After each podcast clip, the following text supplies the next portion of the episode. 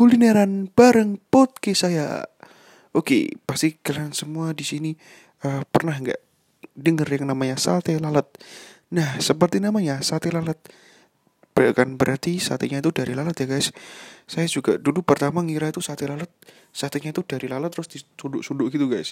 Ternyata tidak. Sate lalat adalah sate ayam yang kecil-kecil seperti lalat kecil-kecil seperti itu guys. Jadi sate lalat adalah sate ayam tapi dengan proporsi yang kecil-kecil. Jadi dagingnya itu kecil-kecil seperti lalat guys. Dan ini bisa ditemukan di Salatiga atau Bandungan ya guys. Ini daerah-daerah tinggi-tinggi seperti itu dan sate lalat juga ada sate lalat guys. Oh sama aja ya.